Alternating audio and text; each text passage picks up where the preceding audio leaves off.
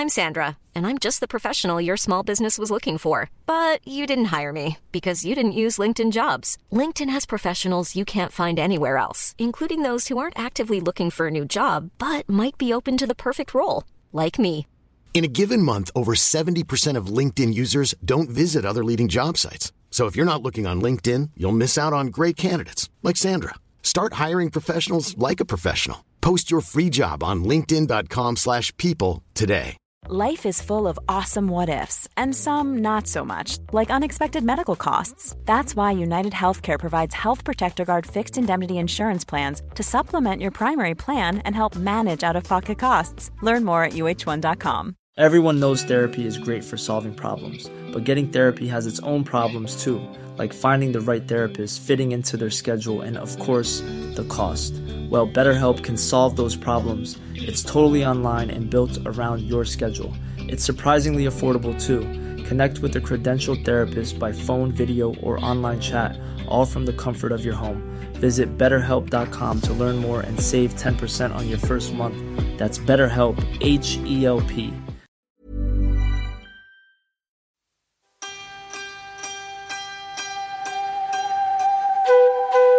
Vi är tillbaka. Ja, äntligen! Så hej och välkomna till Psykologsnack, podden där vi pratar psykologi och psykisk hälsa och ohälsa. Och vi som har podden är legitimerade psykologer och jag är Sandra. Och jag är Åsa. Eh, Och vi har ju haft några veckors eh, sommarledighet Mm. och återhämtat Precis. hämtat oss lite grann. Eh, Och hur har du haft det? Jag tycker att jag har haft en bra sommar, en sommar i Sverige. Och nu har jag kommit liksom tillbaka och jobbat en vecka och ja, men känt att jag har lytt våra egna råd lite grann och haft en ganska lugn uppstart den här veckan. Vad skönt, det har jag också haft faktiskt. Ja, det är ju faktiskt jättebra så att man slipper bara pang på eh, komma tillbaka utan ja, men lite liten lugn start sådär. Det har varit bra, kanske skulle kunna haft lite mer fysisk aktivitet men ja, jag är ändå nöjd. Du var ju iväg och vandrade och Mm. hade så här, vad säger man, radiotystnad. Ja, precis. Det var en utmaning. Eh, och jag la ju ut en bild där på, på Instagram eh, innan det skulle bli radiotystnad. Men det var jättesvårt för den där radiotystnaden kom väldigt snabbt från det att jag lämnade stugan där uppe. Så att eh, jag fick gå upp en bit och stå och liksom försöka hitta den där, liksom lite, någon liten mottagning. Men annars var det rätt skönt faktiskt Ja. att inte liksom ha mobilen i närheten. Det som var tråkigt var att när jag liksom pack- la ner mobilen i ryggsäcken, då tog jag inte så mycket bilder heller. Nej, Men, eh, nej, men det var skönt. Hur har din sommar varit? Eh, Jo, men eh, den har varit bra på det Mm. stora hela tycker jag. Också haft ja, men, Sverigesemester. Återhämtat mig genom att, eh, som jag hade tänkt, eh, slappa, läsa Mm. mycket böcker. Vi har vandrat en del i skogen, vilket var så superhärligt. Och jag bara gick och så här, typ sa hela tiden, jag bara, det här är så återhämtande. Det här är så härligt. Och bara fick, men min kille fick ta så här bilder, för jag tänkte att nu ska jag lägga upp det här när jag är ute och återhämtar mig. Ja. Inte hela tiden såklart att han tog bilder, men några. Ja. Men sen kände jag, fan jag orkar inte. Nej. Jag vill bara vara ledig, jag orkar inte hålla på och uppdatera och så. Nej. Så att det har varit bra. Det jag inte gjorde var, jag hade ju tänkt så här, men jag kommer göra lite 7 minutes Just gympa det. varje dag. Jag har gjort noll gånger. Ehm, men däremot har jag ju promenerat och rört på mig, joggat en del, så jag känner att eh, det är fine. Ja, det Gjorde kanske varit mer återhämtande. Ja, Och också liksom aktivitet rent fysiskt. Ja, jag måste bara säga här innan vi eh, snackar vidare. Jag har blivit lite förkyld idag, så om ni hör lite prasslande med papper så är det jag som Ja. prasslar på här. Typiskt. Eller hur? Efter en vecka på jobbet. Så Ja. får man alla andras basilurer igen. ja. Ja, okej. Ja, och sen idag ska vi också faktiskt ta lite nya bilder till podden. Ja. Ehm, Ett nytt omslagsfoto förhoppningsvis. ja, det ska bli spännande att se hur de eh, blir. Jag tycker att det är lite svårt när man ska bli, mm, inte så van att bli fotograferad på det sättet. Kanske blir någon väldigt så här stirrig bild på mig, vi får väl se. Det kommer nog bli bra, Ja, tror jag. jag men det blir, det. Vi är ju inte så vana vid det som sagt, men vi får väl bara ge oss hän. Det ska bli kul i alla fall. Mm. Det tycker jag också. Det ska bli kul. Ja, men först så ska vi ju prata om självmedkänsla. Mm. Eller snarare då medkänsla, eh, rätt och slätt. För det handlar ju om medkänsla för både sig själv och andra. Mm. Mm. Precis, och man pratar ju också om compassion. Eh, så att, ja, medkänsla eller compassion. Eh, men, men det innebär ju att kunna närma sig det som är svårt och jobbigt i livet och ha en liksom, motivation att vilja hjälpa sig själv och andra med det. Mm. Eh, och ja, vi kommer väl använda oss både lite av självmedkänsla och compassion. compassion och medkänsla. Och tänk ja. att man kan använda det man känner sig bekväm med helt enkelt. Precis. Ja. Um, jag gillar compassion. Ja. Det känns som att det, ja, men det tar in kanske lite mer så. Men det är olika vad man tycker. Ja. Vi som sagt kommer väl variera oss lite. Variera, ja. Eh, men båda, eller alla de där, innebär ju ändå att ja, men det handlar om en attityd till livet som är, ja, men som är nödvändig för vår hälsa och för vårt välmående. Och det är ett förhållningssätt till, ja, men till sig själv och andra som utgår från ja, men omtanke, vänlighet, och att vilja hjälpa sig och andra att minska lidande. Ja, man kan ju säga att det handlar om att äh, agera på ett sätt som är hjälpsamt äh, för oss och som, som kan göra att vi mår bra. Mm. Och lite kuriosa är ju att äh, under 2014 så var det mest skrivna ordet, eller man kanske ska säga mest använda symbolen, mm. ett sånt här litet emoji-hjärta. Ja. Och det visar ju faktiskt hur viktigt det är med kärlek och värme och samhörighet mm. i våra liv. Mm. Och också att det här hjärtat verkligen symboliserar det. Ja, jag tycker det är en toppen-emoji. Ja. det kan man väl se tillbaka på sina egna meddelanden också. Jo, jag har nog använt den en hel del. Eller hur? För att den, ja, men den signalerar ju just det. Ja. ja men vänlighet, omtanke, värme. Ja. Det är lite lättare att skicka iväg ett hjärta då än att skriva det. Ja. Eh, jag vill ge dig värme. Kärlek och omtanke. Precis. Mm. Eh, Paul Gilbert är ju en, en, en person som, som man hör mycket om när man pratar om eh, compassion och han har utvecklat CFT, alltså compassion-fokuserad terapi. Och han definierar compassion som a sensitivity to suffering in self and other with a commitment to try to alleviate and prevent it. Eh, och det kan ju översättas som att ja, men det innebär att uppmärksamma lidande hos sig själv och andra och att ha en intention att försöka minska och förebygga det. Mm. Och eh, CFT, alltså den här compassion-fokuserad terapi, eh, det kommer ju från eh, KBT, alltså mm. kognitiv beteendeterapi, från psykodynamisk terapi, hjärnforskning, anknytningsteori, affektteori mm. och även ur den här buddhistiska traditionen. Så att det är helt enkelt det man kallar en integrativ terapiform, vilket då betyder just att man använder sig av olika psykologiska teorier. Och utgångspunkten är att förstå vad som gör oss människor trygga och vilka faktorer i våra liv som skapar en känsla och upplevelse av ja, men just då trygghet. Mm. Um, och tittar man liksom på vad, vad betyder egentligen compassion så kan man också nörda ner sig lite i själva språket och då har faktiskt compassion sina rötter i grekiskan pathein. Kul ja. att få säga de här orden, men vi kan ju skriva ut det någonstans så ni vet vad, vad jag försöker säga. Eh, men det betyder helt enkelt att genomlida, gå igenom eller erfara lidande. Men det kommer också från latinen, latin, eh, kompati, att utstå och dela lidande, det som är svårt. Att finnas där som stöd och hjälp till andra eller sig själv. Och det kan ju handla om att ja, men dela en sorg eller ett lidande. Så det handlar om att, men att möta andra människor, att bry sig om, att visa förståelse och vara ja, men hänsynsfull, speciellt kanske i ja, men mer tuffa situationer, stressfyllda situationer, i motgångar eller utmaningar eller ja, där man känner sig som ett misslyckande. Ja. ja.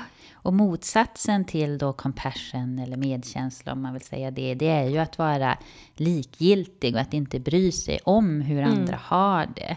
Och den här förmågan att känna empati och sympati, det är ju det som har fått oss människor att överleva. Mm. Även om också den här idén om kampen om överlevnad kanske har fått oss att tro att ja, men det är egenintresse och självhävdelse som är eh, grejen, som är ett vinnande koncept för mm. oss. Ja, men så, det vet du, så är det ju verkligen inte. Utan det får ju snarare liksom en negativ eh, påverkan på vårt, framförallt vårt mående. Ja. Om man ska liksom gå enligt ensam är stark, man ska se efter sitt eget ja. och sådär. Då det, det påverkar oss väldigt, väldigt negativt på lång ja. sikt. Ja, vi behöver ju andra människor. Mm. Nu har det väl kommit också, det har varit uppe lite till diskussion och debatt i tidningen om det här med ensamhet. Ja. Och Anna Bennick heter hon, mm. skrivit en bok om ensamhet. Nu mm. kommer jag inte ihåg exakt vad den heter, Nej. men det kan vi ju kolla upp och lägga ut sen. Precis. Eh, och så. Nej, för det har blivit lite mera individualiserade samhällen, vilket inte alltid är så bra för oss. Sen, sen, tänker jag att det ändå blir viktigt att så här poängtera att vi har ju pratat om sund självhävdelse och det är ja. såklart viktigt eh, att vi behöver kunna vara sund självhävdande mm. och stå upp för oss själva och uttrycka våra behov mm. och så på ett sunt sätt. Och det ingår väl egentligen lite i det här när vi pratar om mm. compassion mm. också, tänker jag. Precis, vi kommer väl in lite på det. Ja. Det är viktigt att så, fundera på vad är det jag behöver ja. så, i den här situationen. För att vi ska kunna agera på sätt som gör att vi mår bra och som hjälper oss i livet så behöver vi ha vissa förmågor eller färdigheter. Och exempel på sådana förmågor är att kunna vara ja, men omhändertagande, men också att kunna faktiskt tolerera obehag. Och det fina är ju att vi kan träna oss i att känna medkänsla och vi kan träna upp våra förmågor och färdigheter. Mm. Och det är ju tyvärr får man väl säga ganska vanligt att vi människor kan vara självkritiska. Mm. Eller att vi kan vilja undvika sånt som är jobbigt och svårt. Och medkänsla handlar ju just om att träna upp då, eller att skapa en förmåga eh, att ta hand om sig själv. Mm. Man kan ju lätt tänka att medkänsla bara är något som handlar om att vi jämt och ständigt ska gå runt och liksom känna oss kärleksfulla och harmoniska. Men så är det ju faktiskt absolut inte. För det skulle ju snarare vara att faktiskt istället undvika livet. Mm, ja, men det är ju typ omöjligt. Och det låter skitjobbigt också, mm. om vi får säga det. Att man skulle gå runt och vara så här harmonisk och mm. glad och mm. lycklig hela tiden. Mm. Utan medkänsla handlar ju faktiskt om att ja, men, ska man säga, våga möta livet precis eh, som det är. Att vara öppen för allt som händer i livet och att inte då undvika det Nej. som är svårt. Utan Nej, för det skulle det ju vara om man skulle gå runt och vara harmonisk och glad och tänka positivt jämt och ständigt. På ytan skulle ja. man ju vara det, men det skulle ändå kanske ligga och bubbla där under om man försökte så här, tränga bort det. Tänker ja, jag. för jag tror inte att någon går igenom ett liv och inte har, möter på något som är svårt. Nej. Eh, så att, ja, livet är ju ju inte lätt alla gånger helt enkelt. Eh, och när livet drabbar oss så behöver vi ha och eh, lära oss sätt som hjälper oss att ta hand om oss själva. Och för att göra det krävs ju faktiskt att vi, ja, vi behöver vara modiga. För när det är jobbigt så kan det vara väldigt frestande att vilja komma undan det som är jobbigt och kanske distrahera sig eller försöka tänka väldigt, väldigt, väldigt positivt. Så. Mm. Eh, så när man jobbar med just då compassion-fokuserad terapi Eh, då brukar man eh, initialt, alltså man brukar inleda med att gå igenom en, en eh, förklaringsmodell kan man väl säga, mm. eller en modell för att få ökad förståelse för hur vi människor då funkar. Och här får man väl säga att det är ju såklart en, en teoretisk modell. Mm. Mm. Precis. Um, och när man mår dåligt så det kan ju vara lätt hänt att man tänker att man är ensam i världen med att tänka och känna på det här viset. Och då är det också lätt att tro att ja, men det är något fel på mig. Varför jag, råkar jag ut för det här? Det måste vara mitt fel eller så. Eh, så en viktig del i, i att börja bli mer omhändertagande gentemot sig själv är att förstå hur vi människor fungerar och vad som kan bli svårt att ställa till med problem för oss så jobbar man ju faktiskt också när man jobbar med ja, men all KBT, att man faktiskt ger en rational och förklaringsmodell modell till hur problemen uppstår. Mm. Och, och den här modellen den utgår ju då från att eh, man tänker att det finns tre olika slags system inom oss som vi hela tiden ja, men rör oss eh, emellan. Eh, och de här tre systemen kallas för hotsystemet, drivsystemet och trygghetssystemet. Mm, man kan säga att hotsystemet är kroppens försvars och överlevnadssystem. Mm. Och ur ett evolutionärt perspektiv kan man säga att det kom till för att skydda oss just från ja, men hot och eh, faror. Det här systemet liksom aktiveras väldigt snabbt och automatiskt. Mm. Att man kan väl tänka lite kampflykt där, ja. som vi har pratat om tidigare. Ja. Um, så det är ju någonting som har varit uh, väldigt viktigt för att vi ska kunna överleva. Mm. Men ibland kan det ju faktiskt vara så att det blir en slags ja, men, falsklarm. Mm. Uh, på grund av att uh, de här reaktionerna går så snabbt så att det får oss då att reagera på ett sätt som vi sen ångrar. Mm. Och det här var ju också någonting som vi pratade om i avsnitt tre, då vi hade ett helt avsnitt om stress. Eh, för där, eh, är ju, där pratade vi då om att eh, farorna idag, i dagens samhälle ser ju annorlunda ut jämfört med hur det såg ut för flera tusen år mm, sedan. Mm. Mm. och du jämförde det så fint då med att förr så kanske vi ja, men, mötte ett lejon ute på savannen. Mm. Men det sker ju inte så ofta Nej. idag. Utan idag kanske det är snarare att vi möter flera små, små, små lejon. Ja. Eh, I form av ja, men, eh, mail eller notifikationer, mm. egna krav eller att jag har en egen oro. Att det finns konflikter i mitt liv och så. Mm. Och som då ger det här eh, falsklarmet kan man ja. säga. Man hamnar i hotsystemet ändå. Ja. Så att, ja, dagens hot är ju som du säger, alltså sällan livshotande. Och vi behöver då inte reagera så snabbt som vår hjärna och kropp vill. Um, och utvecklingen i samhället går ju snabbare än, än hjärnans utveckling.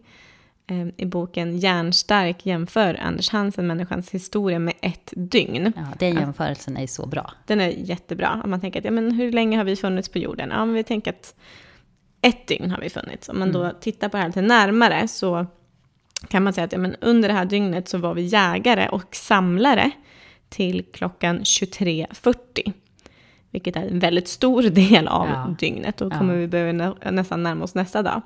Eh, och industrialiserade blev vi först 23, 59, 40. Alltså 20 sekunder före tolvslaget. Ja. Och digitaliserade, uppkopplade till internet och så vidare, blev vi 23, 59, 59.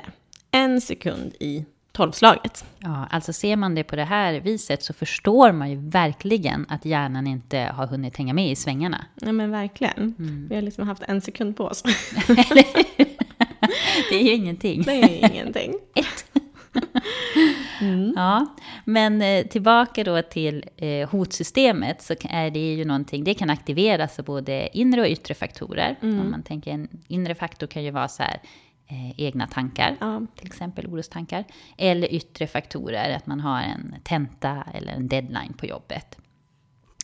Eh, och om man tänker lite hur vi skiljer oss åt då från djuren, det är ju att de ofta snabbt kan så här, återhämta sig och återgå till normaltillståndet. Mm. Medan vi människor, vi har ju faktiskt den här får man ju ändå säga, fantastiska eh, förmågan att mm. kunna tänka framåt och bakåt i tiden. Mm. Men det gör ju också att vi kan så här, älta sånt som har varit och vi kan också oroa oss för sånt som eh, eventuellt kan komma att hända. Mm. Och den här både ältandet och oron kan göra att eh, hotsystemet aktiveras. Eh, och när hotsystemet då väl är aktivt så påverkar det både vad som händer i vår kropp, det påverkar våra tankar, det påverkar våra känslor och våra beteenden. Mm. Och känslor som kan aktiveras när vi är i hotsystemet är bland annat ja, men ilska, rädsla, ångest eller skam. Och känslor är ju de signalerna som tydligast vill få oss motiverade att liksom agera eller reagera på ett visst sätt. Och det är det som ibland kan, ja, men kan gå lite för snabbt mellan att liksom, exempelvis att känna rädsla eller ångest och att då agera med att fly eller gå till attack eller undvika det obehagliga. Mm. Eh, när, när det kanske faktiskt inte är ett livshotande mm, situation. Så. Ja. Eh, och om vi då ska gå över och prata lite om det här andra systemet. Mm. Som då kallas för drivsystemet eller ibland benämns det också som prestationssystemet. Eh, så det systemet det ser till att det skapas ja, men, positiva känsloupplevelser och att vi då kan få den här känslan av driv, att vi känner drivkraft, nyfikenhet, intresse, alltså det vill föra oss framåt. Mm. Eh, och ser man mm, på det ur ett evolutionistiskt perspektiv så är funktionen ja, men just att ge oss ett driv. Det var, vi behövde ju så skaffa mat, vi behövde hitta nya boplatser, vi kanske också behövde hitta nya partners då för att vi skulle kunna säkerställa människoartens överlevnad. Mm. Ja, alltså ett väldigt viktigt system även det. Ja. Um, och de här positiva känsloupplevelserna varar ju inte så länge eftersom vi hela tiden behövde vara motiverade att till exempel finna mat. Så som det ser ut i västvärlden så har vi ju allt vi behöver och mer till, vilket kan ställa till det för oss. Om vi hela tiden letar efter nya belöningar och kickar så finns risken att vi kan ja, men, utveckla beroendesjukdomar som att ja, men, bli, bli beroende av spel eller alkohol, godis, socker, droger. Shopping, den känns väldigt nära för mig. Ja. för hjärnan letar ju efter, efter dopaminkickar. Ja, och även det här drivsystemet påverkar ju vår uppmärksamhet så att vi ja, till exempel blir då fokuserade på att nå våra mål. Och ett aktivt drivsystem kännetecknas ofta av att vi har en ja, hög energi i kroppen. Men ibland kan det faktiskt också påverka oss så att vi kanske, alltså vi får nästan lite för mycket energi. Ja. Vi kan få svårt att varva ner, svårt att hitta den här nedvarvande återhämtningen, svårt att slappna av. Mm. Men jag tänker att det är väldigt bra att du säger det, för annars låter det ju som att åh, det systemet låter ju väldigt bra. Vill man vara hela tiden. Det är massa drivkraft, ja. man framåt och ja. en hel del liksom positiva känslor kopplat till det också. Ja. Mm. Men det finns ju ett tredje system då som är väldigt viktigt också. Eh, och det tredje systemet är trygghetssystemet och är kroppens återhämtningssystem som gör oss ja, men lugna efter stress och ansträngning. Eh, och systemet är aktivt när vi tar det lugnt och, och bara är. Och det ligger ju också väldigt nära om man tänker på det parasympatiska, alltså lugn och ro-systemet som mm. vi pratade om i, när vi pratade om stress då. Mm. I, i, nummer tre på podd, i podden. Mm. Ja. Eh, och det här trygghetssystemet det kan också aktiveras när vi känner så samhörighet med andra, om vi är omgivna av människor som vi tycker om, mm. eller om vi är fysiskt nära någon som vi gillar. Det kan till och med aktiveras genom att vi bara tänker eh, på någon som väcker en upplevelse av eh, värme och kanske mm. kärlek i oss. Mm. mm. Och en del människor har ju inte lika lätt liksom, tillgång till sitt trygghetssystem. Eh, vilket gör att istället för att liksom, känna trygghet och lugn när det till exempel är ensam och tar det lugnt, eh, eller inte i full gång med att göra saker, kan faktiskt till och med känna en tomhet och, och obehag. Mm. Och Eh, Paul Gilbert som vi nämnde här tidigare i podden har kunnat visa att de här motivationssystemen de kan också aktiveras genom vår egen attityd till oss själva. Så att självkritik det kan dra igång då hotsystemet medan eh, självmedkänsla är ihopkopplat mer med det här trygghetssystemet att aktivera mm. det. Mm. Så det är det som är den stora liksom, teorin bakom compassion. Hur mm. ska vi kunna röra oss däremellan? Hur ska vi på egen hand kunna liksom, vara i trygghetssystemet? Mm. Det handlar väl som sagt om den här balansen ja, mellan systemen. Mm. För vi är ju beroende av alla system för att kunna eh, fungera på ett bra sätt i olika situationer. Eh, vi ska aktivera vårt hotsystem när vi ställs inför fara och vi ska gå in i drivsystemet när vi arbetar. Men som sagt, problem uppstår för oss när systemen kommer i obalans, när något system blir under eller överutvecklat. Eh, har man till exempel ett eh, överutvecklat och ständigt aktivt drivsystem så kanske inte trygghetssystemet som hjälper oss med återhämtning är tillräckligt aktivt och vi riskerar då att drabbas av stress och utmattning.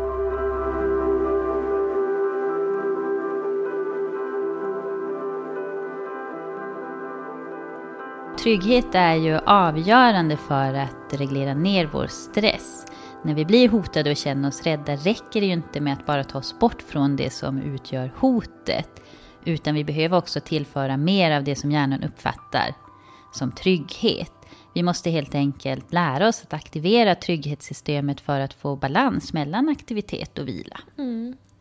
Om man har ett lättaktiverat hotsystem så kan det ju vara så att man upplever väldigt mycket ångest och oro även i situationer där det inte finns något att oroa sig för. Man har helt enkelt inte strategier för att reglera ner det med sitt trygghetssystem. Mm, men det fina i kråksången är ju att vi faktiskt kan träna på det här och lära oss strategier för att balansera de olika systemen. Mm. Vi kan lära oss att träna medkänsla eller compassion då. Mm.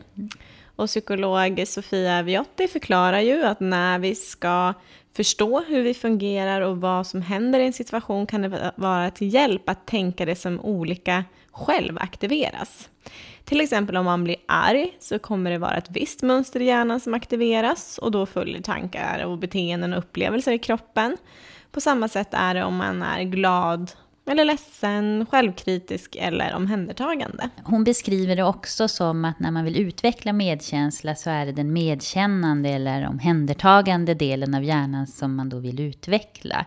Och det är det medkännande självet som är omhändertagande om dig och som har egenskaper som värme, vänlighet, förståelse, styrka, mod, vishet. Oj, här var det många. Ja, många. och eh, engagemang. Mm. Mm. Och när man tränat upp den här delen så, så kan vi helt enkelt använda den för att möta det som är, ja, som är svårt för oss. Och det medkännande självet kan ja, men till exempel hjälpa en med ångest, rädslor och självkritik. Mm. Och Kristina Neff vid eh, universitetet i Texas, hon är ju känd och hon har forskat mycket på och tagit fram det här begreppet eh, self-compassion, eller då självmedkänsla. Mm. Eh, och hennes definition av självmedkänsla, den består ju av tre komponenter som man kan träna upp och arbeta med. Och det är mindfulness, vänlighet och samhörighet. Mm. Mindfulness är ju en väldigt stor del av compassion-fokuserad terapi. Mm. Eh, och mindfulness handlar om att ja, men i stunden reflektera kring sina upplevelser i vardagen. Eh, det betyder att vi behöver öva oss på att uppmärksamma både vad som händer ja, men på insidan och utsidan. Och inte bara tänka kring vad som händer utan också reflektera över vad man känner i situationen. Där är vi oftast ganska snabba till att bara börja tänka kring. Ja. Och i compassion handlar det om att ja, men, bli medveten om sina smärtsamma känslor också. Mm. Som ja, men, ledsenhet, ilska, sårbarhet, alltså sådana känslor som vi kanske ja, men, gärna vill fly ifrån. Mm. Eh, och när vi inte då vill eh, möta vår smärta och försöka hålla den eh, borta, då kan det ju faktiskt uppstå ett lidande på lång sikt. Mm. Även om det i stunden kan kännas skönt, alltså kortsiktigt att så här, trycka bort och inte känna det här, Precis. så långsiktigt blir det ett lidande för oss. Mm. Och motsatsen till mindfulness, alltså att vara medveten om svåra känslor men ändå ha distans till dem, eller till dem är att, eh, ja, men att uppslukas helt och överidentifiera sig med sina känslor och sin situation. Så att det inte går alls att liksom, ta in andra människor eller se en väg ut. Mm. Eh, och ett sätt kan ju vara att börja lägga märke till att ja, men alla vi människor får ju faktiskt eh, kämpa ibland. Mm. Det är ju ingen som har ett eh, perfekt liv och det är ingen som klarar livet utan svårigheter. Precis. Och mindfulness hjälper oss också att förstå och bli medveten om ja, men mönster och vad som händer i olika situationer som är problematiska. Och det här kan vi liksom träna upp genom olika mindfulnessövningar. Där man kan då få öva sig i att, att lägga märke till just tankar, känslor och beteendeimpulser. Eh, och ett sätt kan ju vara att just skriva ner tankar, känslor och beteenden i en situation eller olika situationer som man upplever som problematiska eller som ja, skapar ett stort lidande. Mm. Eh, och ett annat eh, kan vara att stanna upp lite då och då under dagen och att försöka så identifiera vilket system är det som är aktiverat just nu. Eh, och man kan också se de här tre systemen, alltså visualisera det lite framför sig. Mm. Man kan tänka dem som cirklar. Mm. Också se dem, men vilken cirkel befinner jag mig i just nu? Är det så hot, är det driv, är det trygghet? Vi kan ju lägga upp en en bild på det, tänker jag. Ja. På den modellen, på de här tre hotsystemen. Så att det är ja. lättare att förstå ja. det här som vi pratar om. Mm. Eh, och genom att då träna sig i att stanna upp och bli medveten om vad som händer i situationer, då bromsar vi faktiskt också upp hjärnans automatiska processer. Så istället för att känna något och direkt reagera så får vi liksom ett litet mellanrum eller andrum, en paus där vi istället då kan välja att agera mm. utifrån vad vi behöver och vad som är hjälpsamt för oss, både på kort och, och lång sikt. Och det är mm. det som också är medkänsla, det är också compassion. Precis. Mm. Och förutom då mindfulness så pratar hon ju också om det här med vänlighet. Och vad handlar det om? Jo, men att, att vara självsnäll, det handlar om att ha ett förhållningssätt till sig själv. Där man bemöter det som känns svårt, det som gör ont på insidan och kanske det som skapar stress. Eh, sina tillkortakommanden med, med liksom en vänlig respons och varm förståelse. förståelse Istället för att vara ja, men, hård mot sig själv och dummande för att man kanske känner ja, men, känslor som skam och skuld. Mm. Och att kunna fråga sig själv eh, vad man behöver för att man ska kunna känna ett mer ja, men ett lugn på insidan. Att man aktivt gör någonting som tröstar, lugnar eller mildrar eh, de känslor som man bär på som kanske också gör ont. Mm. Eh, att vara snäll mot sig själv innebär Eh, att ibland inte heller kräva så mycket av sig själv. Att ibland behöver vi också man faktiskt få vila. Mm. Eh, men ibland kan det ju också innebära, å andra sidan tvärtom, att ta tag i saker som väcker mm. motstånd. Mm. Det kan vara att ringa ett samtal, att börja i en terapi, att gå på det där träningspasset eller avsluta en dålig relation. Det är ja. ju också att vara mm. självsnäll. Mm, verkligen. Mm. Eh, och den andra, eller tredje delen som hon pratade om här var, var väl det här med liksom sam, samhörighet. Eh, och det är ju också väldigt viktigt att när vi ska arbeta med att stärka självmedkänsla behöver vi försöka ha perspektivet, som, som du också var inne på, att vi alla har ju svårigheter i våra liv på något sätt. Vi har alla lidit eller kommer att lida. Det låter ju väldigt tufft och jobbigt när man säger det, men det är ju så det är. Ja, mm. alltså att det handlar om att ja, men vi behöver försöka se det här allmänmänskliga mm. i tillvaron. Eh, och ja, men som vi var inne på, som du sa nu, att ja, men man är inte den enda som har det svårt. Eh, och med det sagt så betyder det inte att man ska säga till sig själv så här, jaha, varför klagar jag? Det finns ju andra som har det värre. Mm. Utan det är istället viktigt att faktiskt ha respekt för sitt eget lidande. För om man inte har det, Ehm, då mår man ju inte heller bra. Nej. Då blir det ju också att trycka undan det här istället för att Verkligen. faktiskt tillåta det att finnas, så att det får kännas. Mm. Mm. För att minska känslan av isolering och ensamhet och att livet är orättvist så kan det också vara bra att istället för att tänka ja, men varför just jag, tänka ja, men precis som alla andra, nu händer det mig, det mm. händer andra, och nu händer det mig. Mm. Det dämpar liksom också känslan av att vara den enda i världen som har det svårt och som mm. liksom mår dåligt. Mm. Det är ju lätt att, mm. i alla fall för vissa, att bli väldigt självfokuserade i ja. sitt lidande och ja. då isolera sig väldigt mycket. Mm. Jag tycker bara genom att säga på det sättet som du sa, ja. att så här, precis som alla andra, nu händer det mig. Nu händer det mig. Bara det gör ju att man känner en annan samhörighet. Men verkligen. Med alla där ute. Mm. tänk att, att man förlorar någon eller att det är någon relation som spricker. Det är ju verkligen så här, ja, nu mm. händer det mig, precis mm. som för alla andra. Mm. För det är ju återigen något väldigt allmänmänskligt, någonting som vi alla behöver gå igenom i livet. så. Mm. Eh, och tankemönster som också är isolerande är ju tankar åt andra hållet kanske. Att, men, om, någon an, om det händer någonting för, för någon annan, att man tänker åh tur, tur att det inte hände mig. Mm. Um, det har man ju tänkt ibland. Ja men precis, ja. att man liksom på det sättet också så isolerar sig. Och då mm. handlar det framförallt om så här, men vad är medkänslan utåt? Mm. Då visar mm. man inte så mycket compassion utåt. Och det har mm. man ju också sett att det där påverkar ju varandra. Mm. Övar vi oss att visa compassion utåt, ja men då blir vi också bättre på att visa oss själv compassion. Um, så där behöver man kanske istället då öva sig på att tänka, ja men oj, det kunde ha varit jag. Och vad kan jag göra eh, för att hjälpa. Mm. Och det här skapar ju liksom en empatisk närhetskänsla genom att man är en identifikation eh, som ofta är läkande för alla. Mm. Och då kan man också få känna att man bidrar. Och ja, men vi människor känner ofta att om vi blir bemötta på ett ödmjukt sätt och inte värderade så kan också liksom förutsättningar för goda relationer uppstå. Och precis som vi sagt tidigare så kan man ju utveckla sin compassion-förmåga och eh, träna på att aktivera sitt trygghetssystem. Och det kan vi göra via våra tankar, känslor, beteenden eller via kroppen. Mm. Mm.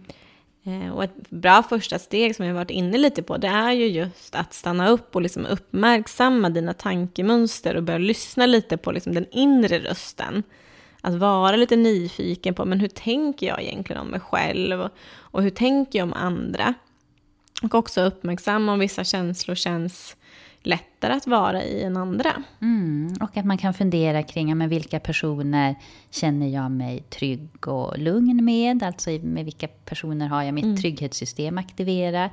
I vilka situationer känner jag mig stressad? Och, och att ja, men reflektera kring men vad är det i den här situationen eller stunden som gör att jag kanske känner mig rädd. Mm. Mm. Och sen kan man ju testa också att här, göra lite olika beteendeförändringar eh, genom att pröva att ändra sitt beteende. Mm. Om man, att exempelvis göra något hjälpsamt för någon annan eller något för dig själv. Mm. Och den här eh, compassion-processen, den kan man ju sammanfatta i, i tre steg.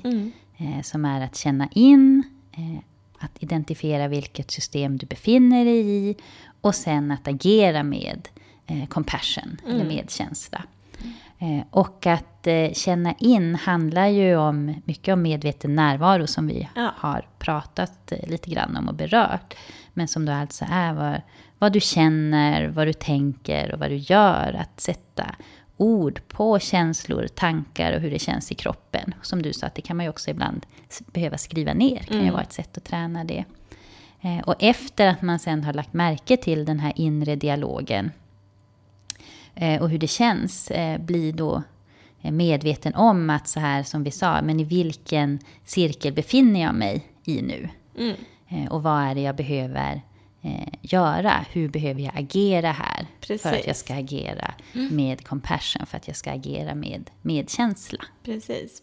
Och det kan ju då handla om att antingen röra sig eh, mot trygghetssystemet från hotsystemet eller drivsystemet. Men det kan också vara att gå från hotsystemet till drivsystemet. Mm. Om du till exempel är i en situation där du behöver använda dig av det för att minska stress, självkritik eller ångest.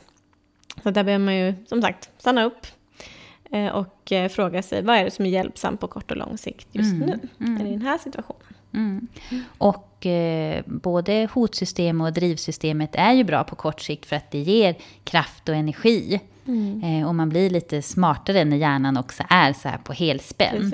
Eh, men ju längre tid man eh, spenderar i hotsystemet utan att återhämta sig vara med andra personer som man känner närhet till i trygghetssystemet, desto mer så bryter det ju också då ner mm. Eh, kroppen och hjärnan. Precis. Och det här har man ju liksom testat lite också kring så här, hur, hur funkar det här? Vad får det för effekter att försöka eh, aktivera sitt trygghetssystem? Och där eh, var det en studie som gjordes på 152 studenter eh, där två, test, eh, förlåt, där två eh, forskare testade om self-compassion som copingstrategi kunde vara ett bättre alternativ för att minska graden av negativa känslor och öka graden av positiva känslor än att älta något som har hänt eller att distrahera sig från det som varit jobbigt. Vilket är väldigt vanliga strategier mm. som vi många gör ganska omedvetet, att vi ältar eller försöker liksom tänka på någonting annat. Mm. Och de här deltagarna då i studien, de blev eh, utsatta för olika typer av saker som nedstämd musik, negativa påståenden, som att det finns inget hopp Samt att de fick tänka på något som eh, var jobbigt och som hade inträffat i deras liv den senaste tiden. Eh, och efter det fick hälften distrahera sig med fokuskrävande uppgifter. Att titta på en skärm och att signalera varje gång de såg ett kryss på skärmen.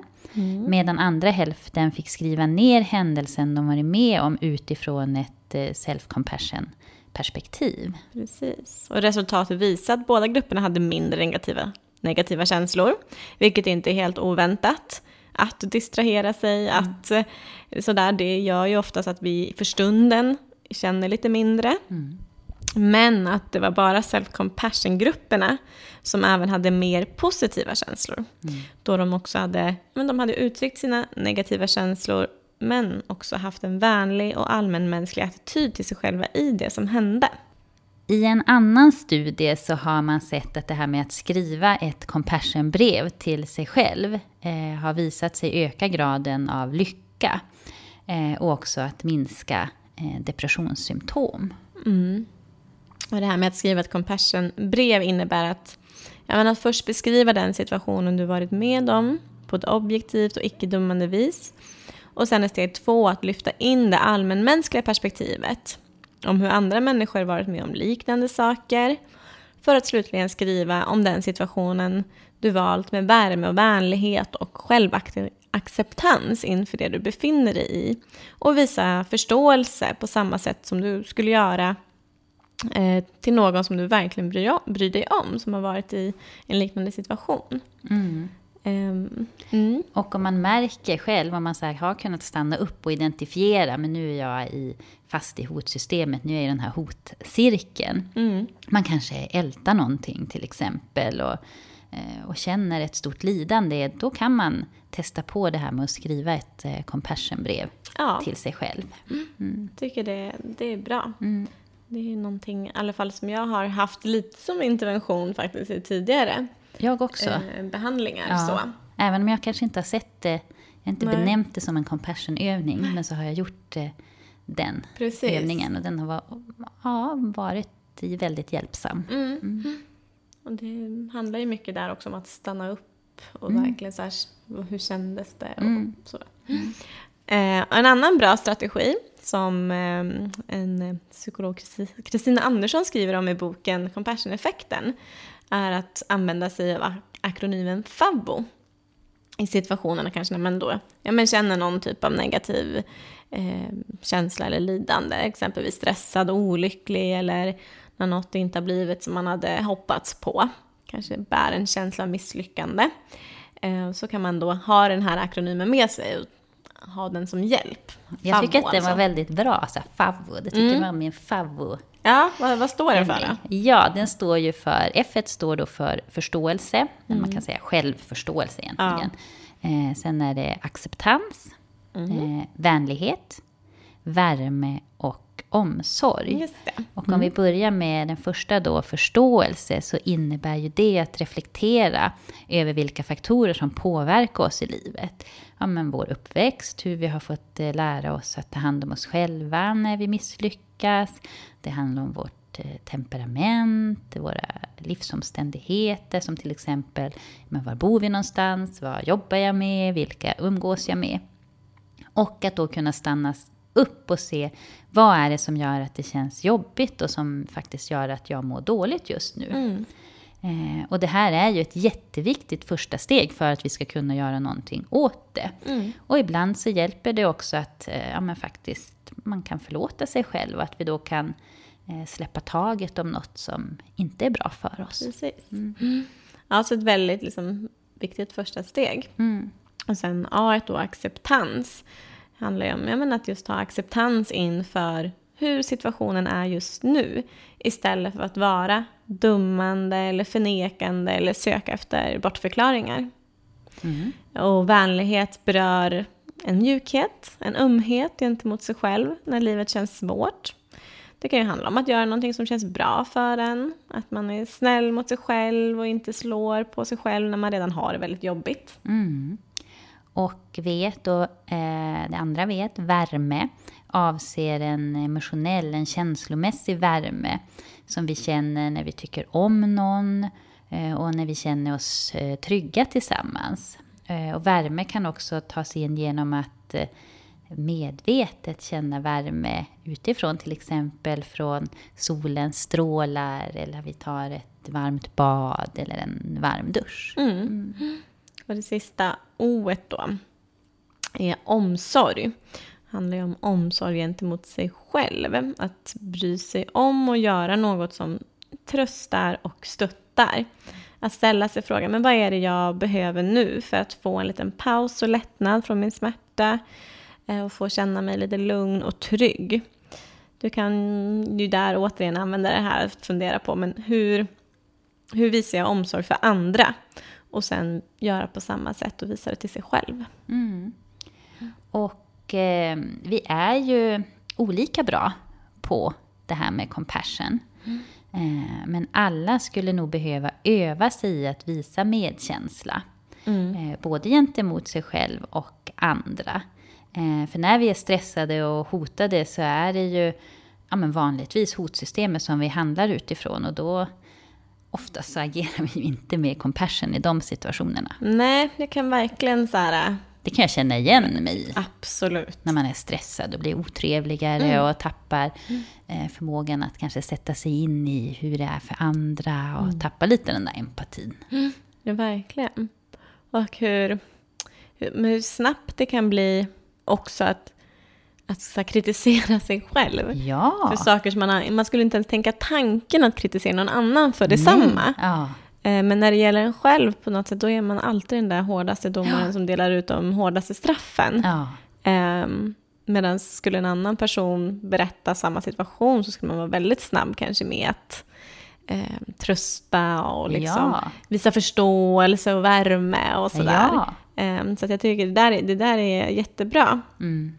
Eh, och viktig sak att, att öva sig på. Mm. Och för vissa kan det vara mer att man behöver öva sig på att visa compassion för andra och för andra kan det vara att visa för sig själv. Mm. Och, och, här kan man ju också tänka lite, mm, läste jag, att om det är svårt, eh, mm. till exempel om jag har svårt att visa compassion eh, för mig själv och mm. medkänsla för mig själv, att man också, man kanske börjar med att tänka hur skulle jag behandla en vän? Vad ja. skulle jag säga till en vän i den här mm. situationen som kanske kommer att berätta att de har haft det tufft? Haft det Precis. tufft på jobbet eller tufft hemma eller bara, ja men mm. så. Att vad skulle jag säga då? Vilken mm. tonläge i rösten skulle jag ha? Mm. Vilka känslor skulle jag förmedla? Mm. Och sen kan man ju testa, men hur gör jag på mig själv? Precis. På samma sätt då.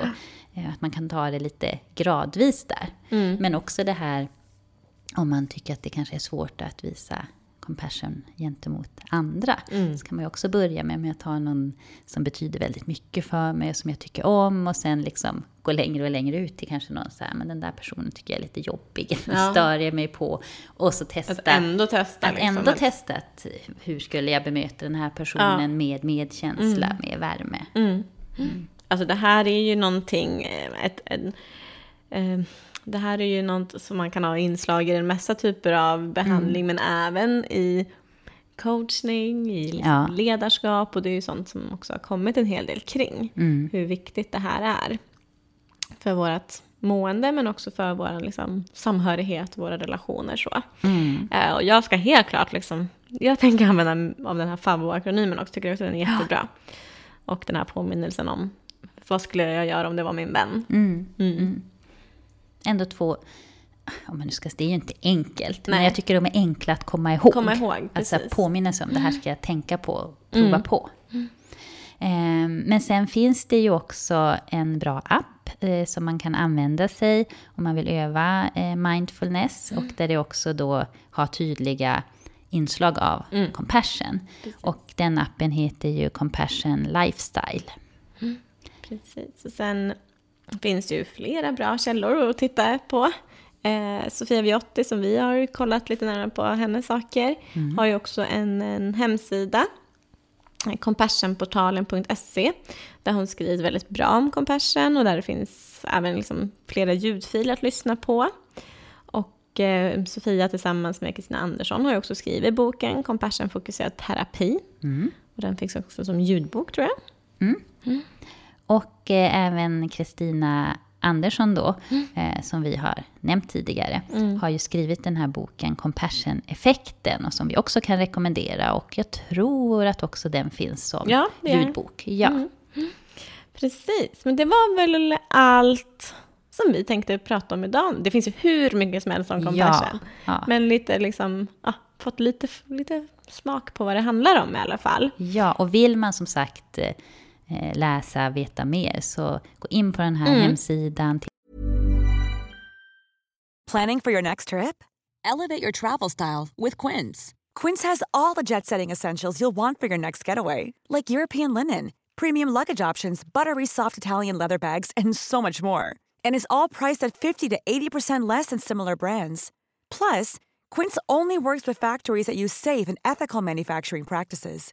Pack your bags with high-quality essentials you'll be wearing for vacations to come with Quince. Go to quince.com slash pack for free shipping and 365-day returns. Mom deserves the best, and there's no better place to shop for Mother's Day than Whole Foods Market. They're your destination for unbeatable savings, from premium gifts to show-stopping flowers and irresistible desserts. Start by saving 33% with Prime on all body care and candles. Then get a 15-stem bunch of tulips for just $9.99 each with Prime. Round out Mom's menu with festive rosé, irresistible berry chantilly cake, and more special treats. Come celebrate Mother's Day at Whole Foods Market.